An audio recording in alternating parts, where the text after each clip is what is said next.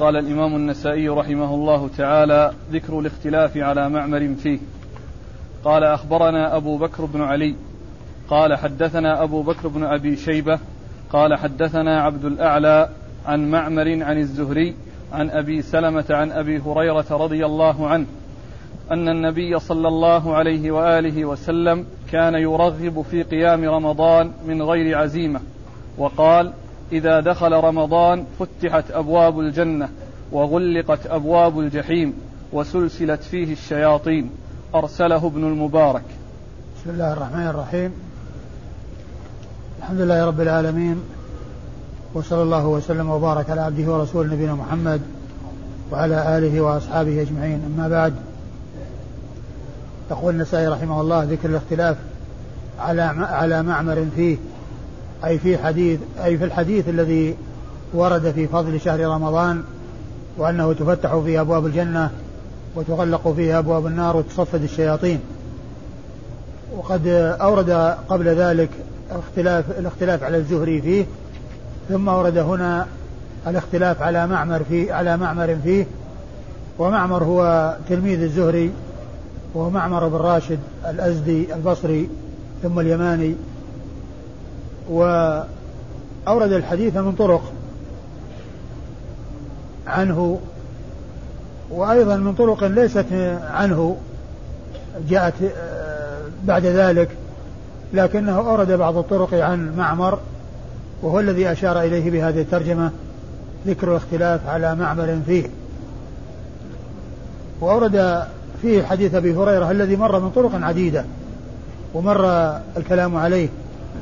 وأن النبي عليه الصلاة والسلام قال في شهر رمضان إنه تفتح فيها أبواب الجنة وتغلق فيها أبواب النار وتصفد الشياطين.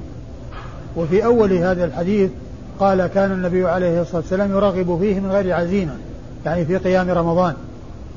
وقيام رمضان سنة سنها رسول الله عليه الصلاة والسلام. الله تعالى فرض الصيام صيام نهار أيامه نهار صيام أيامه وسن رسول الله صلى الله عليه وسلم قيام لياليه. وكان عليه الصلاة والسلام صلى بأصحابه في شهر رمضان في آخر الشهر وتكاثروا في الليالي التي جاءت بعد صلاته لأول مرة. ولكنه عليه الصلاة والسلام وقد وصفه الله عز وجل بأنه بالمؤمنين رؤوف رحيم خشي أن يفرض عليهم قيامه فلم يفعل أو لم يستمر رسول الله عليه الصلاة والسلام. ولما روجع في ذلك بين السبب وأنه خشي أن يفرض عليهم خشي أن يفرض عليهم الشهر. صيام قيام الشهر قيام ليالي الشهر. لكن لما توفي رسول الله عليه الصلاة والسلام وزال الذي كان يخشاه الرسول صلى الله عليه وسلم من كونه يفرض عليهم لأن الوحي لأن الزمان زمن الوحي وانقطع الوحي بعد وفاة الرسول صلى الله عليه وسلم فأعاد عمر الناس إلى ما كانوا عليه أو إلى ما فعله النبي صلى الله عليه وسلم ثم تركه خشية الفرض لأن المحذور الذي خشيه قد زال فبقي استحبابه. وجمع عمر رضي الله عنه الناس على قيام الليل فكان سنة سنها رسول الله عليه الصلاة والسلام ولم يستمر عليها خشية الفرض وزال وزالت هذه الخشية بانقطاع الوحي وانتهاء وتمام الشريعة واستقرارها على أنه لا فرض لقيام رمضان فأحيا عمر هذه السنة وأعاد هذه الناس إلى هذه السنة التي كانوا عليها مع رسول الله صلى الله صلى الله عليه وسلم. ولهذا قال كان يرغب في قيام رمضان من غير عزيمة. يرغب من غير عزيمة. يعني من غير أن يعزم عليهم وإنما يرغبهم فيه فإذا قيام رمضان سنة سنها رسول الله عليه الصلاة والسلام. وإسناد الحديث يقول النسائي أخبرنا أبو بكر بن علي. نعم. يقول النسائي أخبرنا أبو بكر بن علي وهو أحمد بن علي بن سعيد المروزي وهو ثقة أخرج حديثه النسائي وحده. عن أبي بكر بن أبي شيبة وهو عبد الله بن محمد بن إبراهيم بن عثمان المشهور بابن أبي شيبة. وأبو شيبة هي كنية لجده محمد بن عثمان. محمد محمد آه، جده إبراهيم بن عثمان. لأنه عبد الله بن محمد بن إبراهيم ابن عثمان. فإبراهيم الذي هو جده هو الذي يكنى بأبي شيبة. فهو أبو بكر بن أبي شيبة يعني نسبة إلى جده. نسبة إلى جده إبراهيم بن عثمان المكنى بأبي شيبة. واشتهر بهذه النسبة. وهو مشهور بكنيته أبو بكر. واسمه عبد الله بن محمد. واسمه عبد الله ابن محمد. وقد وهو ثقة حافظ مصنف أخرج له أصحاب الكتب الستة إلا ابن ماجه فإنه لم يخرج له شيئا إلا الترمذي إلا الترمذي. أخرج له أصحاب الكتب الستة إلا الترمذي فإنه لم يخرج له شيئا. وقد أكثر عنه مسلم في صحيحه ولم يروي عن أحد من شيوخه مثل ما روى عنه في الكثرة. وقل أن يفتح الإنسان صحيح مسلم إلا ويجد فيه حدثنا أبو بكر بن أبي شيبة لأنه مكثر من الرواية عنه. وقيل إن الأحاديث التي رواها عنه تبلغ 1500 التي رواها عنه مسلم في صحيحه تبلغ 1500 حديث وهو مكثر من الرواية عنه. وهو يذكره عندما يذكره بكنيته كثيرا ما يكنيه فيقول أبو بكر بن أبي شيبة. وأما البخاري فإنه يسميه كثيرا. عبد الله بن أبي شيبة. قال عبد الله بن أبي شيبة. فالبخاري يسميه كثيرا ومسلم يكنيه كثيرا. يكنيه يذكره بالكنية. وهنا روى عنه النسائي بواسطة بواسطة شيخه أبي بكر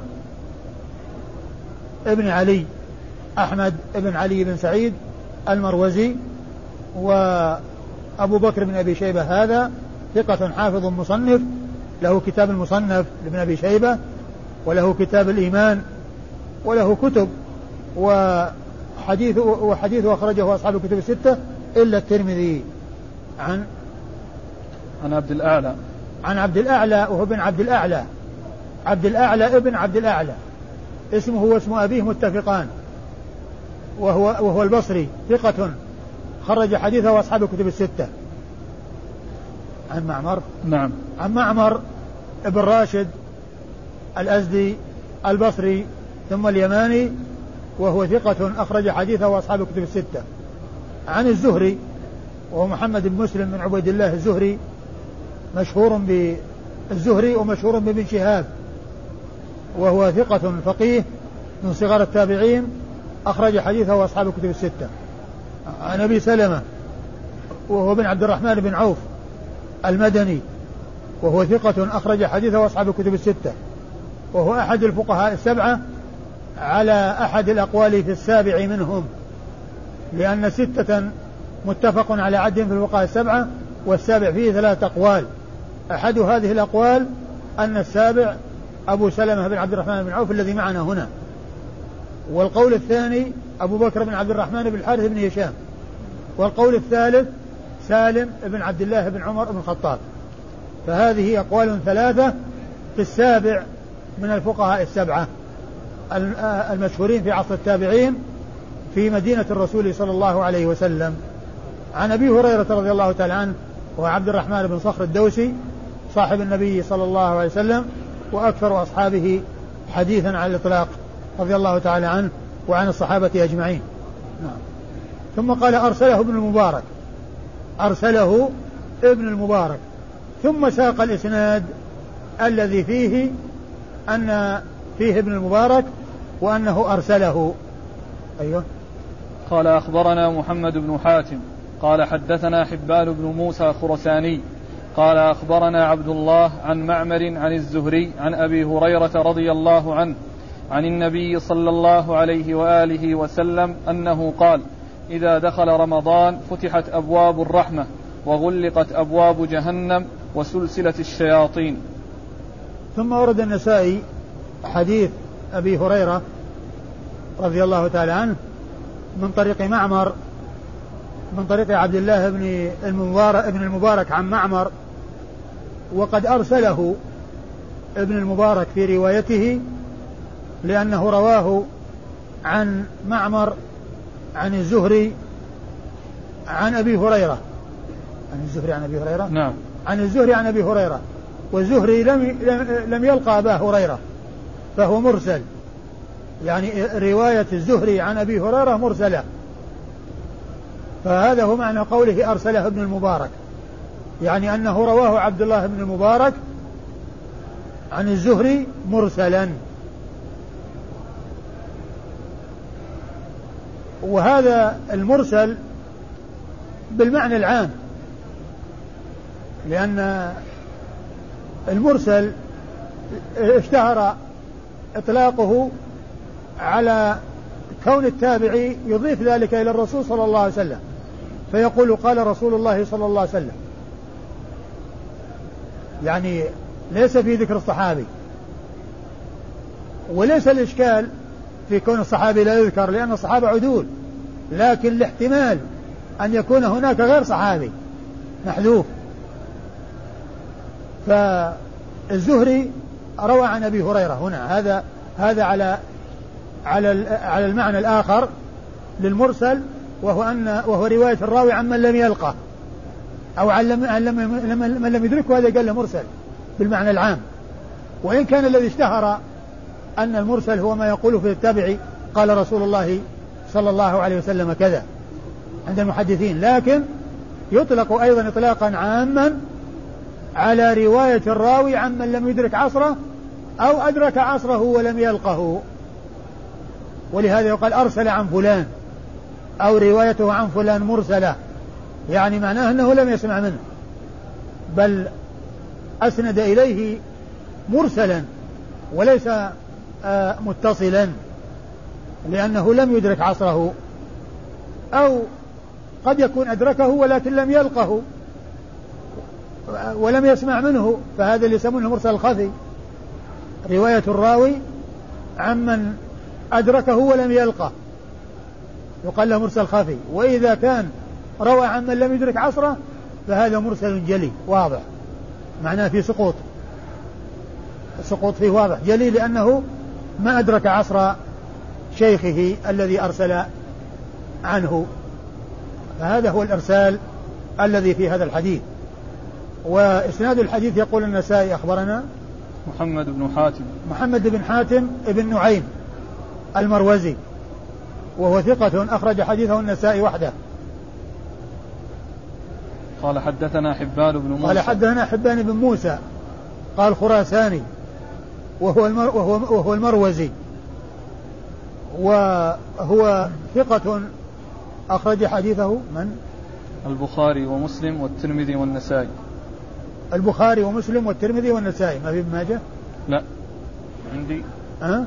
أه؟ طبعة عوامة لا إيه البخاري ومسلم والترمذي, والترمذي والنسائي. والنسائي أيوه قال أخبرنا عبد الله قال أخبرنا عبد الله وهو ابن المبارك الذي الذي قال قبل ذكر الإسناد أسنده عبد أرسله عبد الله المبارك.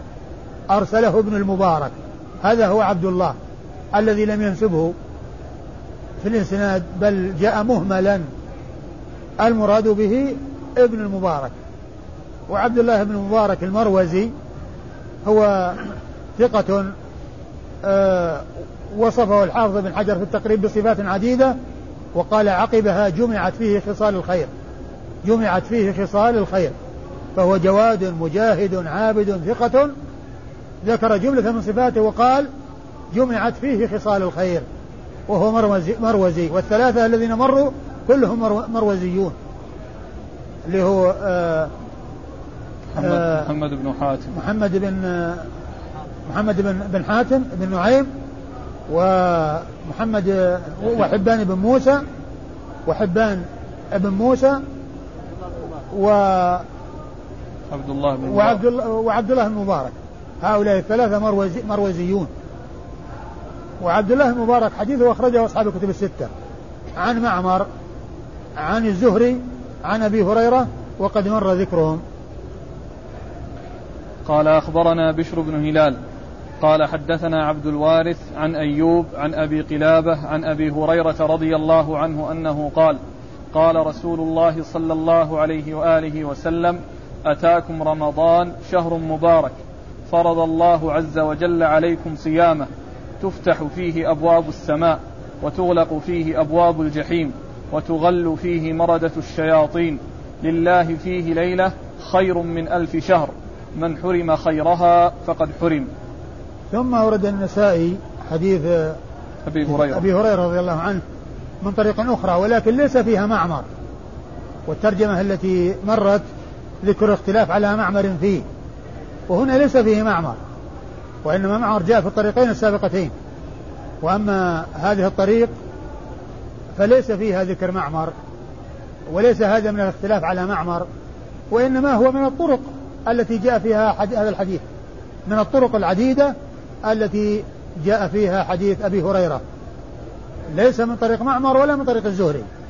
ليس من طريق معمر ولا من طريق الزهري بل من طريق أخرى. وإيش الإسناد؟ قال أخبرنا بشر بن هلال. قال أخبرنا بشر بن هلال وهو الصواف وهو ثقة ثقة هو صدوق. ثقة. أخرج له. مسلم والأربعة. وهو ثقة أخرج له مسلم وأصحاب السنة الأربعة. عن عبد الوارث. عن عبد الوارث بن سعيد البصري وهو ثقة أخرج له أصحاب الكتب الستة. عن عن أيوب. عن أيوب بن أبي تميمة السختياني وهو ثقة أخرج له أصحاب الكتب الستة. عن أبي قلابة. نعم. عن أبي قلابة هو عبد الله بن زيد الجرمي. عبد الله بن زيد الجرمي مشهور بكنية أبي قلابة وهو ثقة أخرج حديثه أصحاب الكتب الستة. عن أبي هريرة. نعم. وقد عن أبي هريرة وقد مر ذكره. المتن الحديث يا شيخ. نعم. المتن ما يحتاج إلى شرح. لا ما لأنه هو نفس الكلام. قال أخبرنا محمد بن منصور قال حدثنا سفيان عن عطاء بن السائب. المتن هو نفس لا في في قال أتاكم رمضان شهر مبارك. فرض الله عز وجل عليكم صيامه. تفتح فيه أبواب السماء. وتغلق فيه أبواب الجحيم وتغل فيه مردة الشياطين. لله. ال ال ال نعم ال ال الحديث قال فيه الرسول أتاكم شهر رمضان. ثم ذكر شيئا من فضائله. قال تفتح, فيها أبواب السماء. والأحاديث التي مرت تفتح فيها أبواب الجنة. ولعل ذكر السماء لأن الجنة هي في السماء. وتفتح أبوابها وكذلك السماء تفتح أبوابها وهي الجنة فيها. الجنة في السماء السابعة سقفها عرش الرحمن كما جاءت جاء بذلك الحديث عن رسول الله عليه الصلاة والسلام. وتغل فيه الشياطين هو من جنس تصفد. تغل فيه الشياطين. فيه ليلة خير من ألف شهر ليلة القدر. التي أنزل الله فيها سورة. إن أنزلناه في ليلة القدر. آه من حرم خيرها فقد حرم. يعني هذا هذا الفضل العظيم الذي هي ليلة واحدة هي خير من ألف شهر. كون الإنسان يدركها ويجتهد فيها ويحصل هذا الخير العظيم خير عظيم من الله سبحانه وتعالى. الذي يحرم هذا الخير محروم. لأنه يعادل أو هذه الليلة تعادل عمر إنسان طويل العمر. لأن ألف شهر تعادل 82 سنة. ألف شهر تساوي 82 سنة. فالأمر ليس بالهين. من حرم خيرها فقد حرم لأنها تعادل عمر طويل. نعم. قال أخبرنا محمد بن منصور. قال حدثنا سفيان عن عطاء بن السائب عن عرفجة قال عدنا عتبة بن فرقد رضي الله عنه فتذاكرنا شهر رمضان فقال ما تذكرون؟ قلنا شهر رمضان. قال سمعت رسول الله صلى الله عليه وآله وسلم يقول تفتح فيه أبواب الجنة وتغلق فيه أبواب النار وتغل فيه الشياطين وينادي مناد كل ليلة يا باغي الخير هلم ويا باغي الشر أقصر. قال أبو عبد الرحمن هذا خطأ. ثم ورد النسائي الحديث الذي في فضل آه، رمضان وأنه تفتح به أبواب الجنة وتغلق أبواب النار وتصفد الشياطين. أورده من طريق عتبة بن فرقد رضي الله تعالى عنه. وقد عاده عرفجة ابن عبد الله الثقفي وتذاكروا عنده رمضان فروى هذا الحديث عن رسول الله عليه الصلاة والسلام. روى لهم هذا الحديث عن رسول الله صلى الله عليه وسلم في فضل شهر رمضان. في فضل شهر رمضان.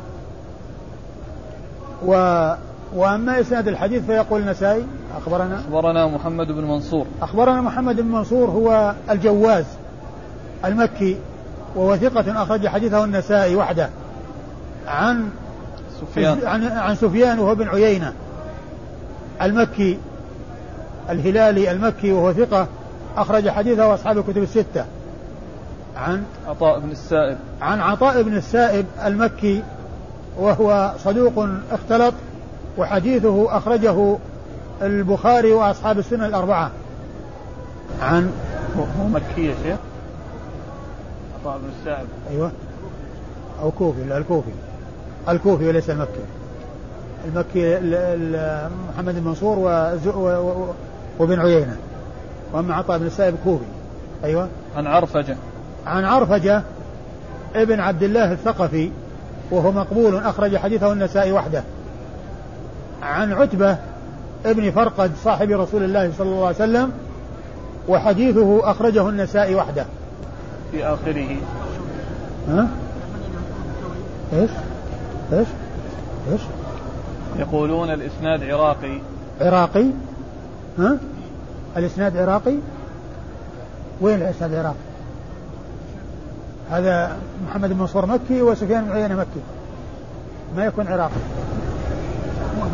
ها؟ ها؟ إيه إيه إيه لكن هو ليش؟ أي نعم وإذا كان يعني بعد الكوفي وش يصير؟ يصير الإسناد عراقي؟ لا فيه كوف فيه فيه مكيان وكوفي أي نعم في آخره قال أبو عبد الرحمن هذا خطأ آه. في آخره قال أبو عبد الرحمن هذا خطأ ما أدري يعني إيش الوجه يعني يعني هذا لكن من حيث الإسناد من حيث الحديث هو جاء من طرق عديدة فهو ثابت ثابت من الطرق الكثيرة التي جاءت عن غير آه، هذا الصحابي بغير هذا الإسناد. فالحديث ثابت كون تفتح أبواب الجنة وتغلق أبواب النار وتصفد الشياطين هذا ثابت عن جماعة من الصحابة منهم أبو هريرة ومنهم أنس ومنهم آه، عتبة بن فرقد طيب المنادى وذكر المنادات يعني آه، كما هو معلوم هذا خبر جاء يعني بالحديث عن رسول الله صلى الله عليه وسلم والناس يؤمنون ويصدقون بما أخبر به الرسول صلى الله عليه وسلم وإن لم يسمعوا يعني هذا الذي آه، جاء في الحديث. نعم. يعني أحسن الله إليك. يعني المناداة تفرد بها في هذا السند الأسانيد الماضية ما كان فيها ذكر المناداة نعم لكن بس ال ال ال ال الصفات الثلاث هي موجودة اللي تفتح أبواب الجنة وتغلق أبواب الشياطين أبواب النار وتصفد الشياطين. تفتح أبواب الجنة وتغلق أبواب النار وتصفد الشياطين. هذا جاء في الأحاديث الكثيرة. قال أخبرنا محمد بن بشار قال حدثنا محمد قال حدثنا شعبة عن عطاء بن السائب عن عرفجة قال كنت في بيت فيه عتبة بن فرقد فأردت أن أحدث بحديث. وكان رجل من أصحاب النبي صلى الله عليه وآله وسلم كأنه أولى بالحديث مني. فحدث الرجل عن النبي صلى الله عليه وآله وسلم قال في رم أنه قال في رمضان تفتح فيه أبواب السماء وتغلق فيه أبواب النار وتصفد فيه كل ش... ويصفد فيه كل شيطان مريد. وينادي مناد كل ليلة يا طالب الخير هلم ويا طالب الشر أمسك. ثم ورد النسائي حديث عتبة بن فرقد من طريق أخرى. عتبة بن فرقد من طريق أخرى و يعني وهي مثل الطريقة السابقة إلا أنها تختلف عنها في بعض الألفاظ كقوله يصفد كل شيطان مريد يعني مردة الجن. وهم الشياطين التي مردة الجن. نعم. الاسناد قال أخبرنا محمد بن بشار.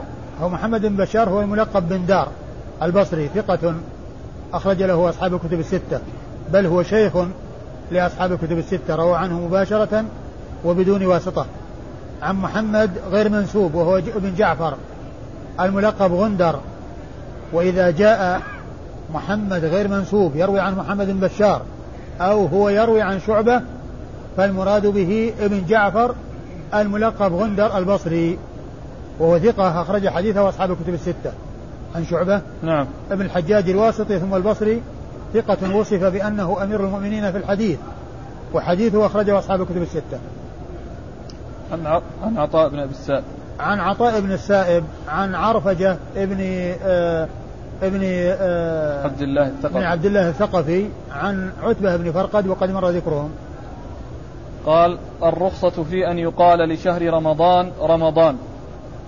قال أخبرنا إسحاق بن إبراهيم قال أخبرنا يحيى بن سعيد قال أخبرنا المهلب بن أبي حبيبة حاء وأخبرنا عبيد الله بن سعيد قال حدثنا يحيى عن المهلب بن أبي حبيبة قال أخبرني الحسن عن أبي بكرة رضي الله عنه عن النبي صلى الله عليه وآله وسلم أنه قال لا يقولن أحدكم صمت رمضان ولا قمته كله ولا أدري كره التزكية أو قال لا بد من غفلة ورقدة اللفظ لعبيد الله. ثم ورد النسائي هذه الترجمة وهي الرخصة أن يقال لشهر رمضان رمضان يعني بأن يذكر رمضان بدون شهر بدون أن يسبقه كلمة شهر. فيقال رمضان بدون أن يقال شهر رمضان. يعني سائغ أن يقال عن شهر رمضان رمضان بدون أن يؤتى بكلمة شهر قبله. هذا هو المقصود من الترجمة. يعني أن إطلاق رمضان بدون شهر سائغ وأنه لا لا مانع منه. جاءت بذلك السنة عن رسول الله صلى الله عليه وسلم. وأورد بعض الأحاديث. التي فيها ذكر رمضان بدون شهر فأورد حديثين. الحديث الأول حديث من؟ أبي بكرة. حديث أبي بكرة نفيع بن الحارث رضي الله تعالى عنه أن النبي عليه الصلاة والسلام قال لا تقولوا رمضان لا لا يقولن أحدكم صمت رمضان كل صمت رمضان أو قمت رمضان كله. قال لا أدري. يعني الراوي أو أحد الرواة كره التزكية يعني كون الإنسان يزكي نفسه بأن يقول أنه صام رمضان كله أو أو أو قال لا بد من غفلة ورقدة. أو قال لا بد من غفلة ورقدة يعني لا بد من حصول نقص. كل إنسان يقول صمت رمضان كله أو قمت رمضان كله يعني أن هذا مع كونه احتمال أن يكون في تزكية أيضا فيه آه شيء يمكن أن يكون هناك فيه خلال من جهة الإنسان قد يحصل له غفلة وقد يحصل له رقدة وأنه يفوته يعني شيء من ذلك. فكون الإنسان يقول آه، صمته كله أو أو قمته كله آه، يعني فيه ما فيه. والمقصود من إيراد الحديث أنه قال لا يقول أن أحدكم صمت رمضان. ما قال صمت شهر رمضان؟ يعني معناه أنه ليس في ذكر الشهر. يعني يجوز أن يقال رمضان بدون شهر. هذا هو محل الشاهد من إيراد الحديث. لأن لا يقول صمت رمضان. فذكر رمضان بدون لفظ الشهر. ما قال صمت شهر رمضان. يعني يجوز أن يقول صمت شهر رمضان. أن يأتي ذكر رمضان بشهر مسبوقا بكلمة شهر ويجوز أن يأتي غير مسبوقا بكلمة شهر. والحديث واضح الدلالة على الترجمة. آه والإسناد قال أخبرنا إسحاق بن إبراهيم. أخبرنا إسحاق بن إبراهيم هو أبن مخلد بن راهوية الحنظلي ثقة أخرج آه، وصف بأنه أمير المؤمنين في الحديث وحديثه أخرجه أصحاب الكتب الستة إلا من ماجه. عن؟ أخبرنا يحيى بن سعيد. أخبرنا يحيى بن سعيد القطان ثقة أخرج له أصحاب الكتب الستة. عن؟ مهلب بن أبي حبيبة. عن المهلب بن أبي حبيبة وهو صدوق. أخرج له أبو داود والنسائي. وهو صدوق أخرج له أبو داود والنسائي المهلب ابن أبي حبيبة. ثم أتى بطريق أخرى حول وأتى بحاء التحويل. قال أخبرنا عبيد الله بن سعيد. وأخبرنا عبيد الله بن سعيد هذا شيخ آخر وطريق أخرى. وعبيد الله بن سعيد هو اليشكري السرختي وهو ثقة مأمون سني أخرج له البخاري ومسلم والنسائي. عن يحيى. عن يحيى وهو القطان عن المحل المهلب ابن أبي حبيبة وقد مر ذكره يعني أن أن كل من يحيى ابن سعيد القطان والمهلب جاءوا في الطريقين والفرق إنما هو بالشيخين. الأول من هو؟ إسحاق بن راهويه إسحاق بن راهويه والثاني عبيد الله سعيد. عبيد الله بن سعيد اليشكري السرختي نعم. قال أخبرني الحسن. قال أخبرني الحسن وهو ابن أبي الحسن البصري. ثقة فقيه مدلس يرسل ويدلس. حديثه أخرجه أصحاب الكتب الستة. عن أبي بكرة. عن أبي بكرة نفيع بن الحارث. عن أبي بكرة نفيع بن الحارث صاحب رسول الله صلى الله عليه وسلم وحديثه أخرجه أصحاب الكتب الستة. والحديث آه، ذكره الشيخ الألباني في الضعيفة وقال إنه ضعيف ولا ولكنه أشار إلى سبب الضعف في تعليقه على ابن خزيمة حيث قال إسناد صحيح لولا عنعنة الحسن وهو مدلس لولا عنعنة الحسن وهو مدلس. لكن من حيث كون الإنسان يقول رمضان بدون شهر هذا ثابت في غير هذا الحديث. ثابت في غير هذا الحديث. في الحديث الذي بعده وأحاديث أخرى. في الحديث الذي بعده وأحاديث أخرى. جاء فيها ذكر رمضان من غير ذكر الشهر. نعم. في آخره اللفظ لعبيد الله. قال واللفظ لعبيد الله يعني لشيخه الثاني لأنه ذكر شيخين إسحاق وعبيد الله. واللفظ الموجود هو لعبيد الله للشيخ الثاني وليس للشيخ الأول. معناه أن الشيخ الأول لفظه يختلف عن هذا اللفظ الموجود. فبين من له اللفظ. بين من له اللفظ من الشيخين. بعد أن فرغ من الإسناد والمتن قال اللفظ لعبيد الله. أي لشيخه الثاني. قال أخبرنا عمران بن يزيد بن خالد.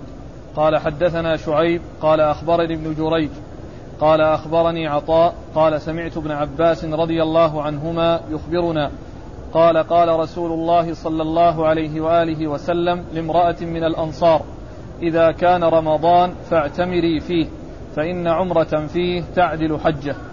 ثم أورد النسائي حديث ابن عباس. حديث ابن عباس رضي الله تعالى عنهما وهو مشتمل على ما ترجم له النسائي من الرخصة بأن يقر رمضان من غير شهر. وفيه أن النبي عليه الصلاة والسلام قال لامرأة من الأنصار إذا كان رمضان فاعتمري فإن عمرة فيه تعدل حجة. ومحل الشاهد منه قال إذا كان رمضان. ما قال إذا كان شهر رمضان.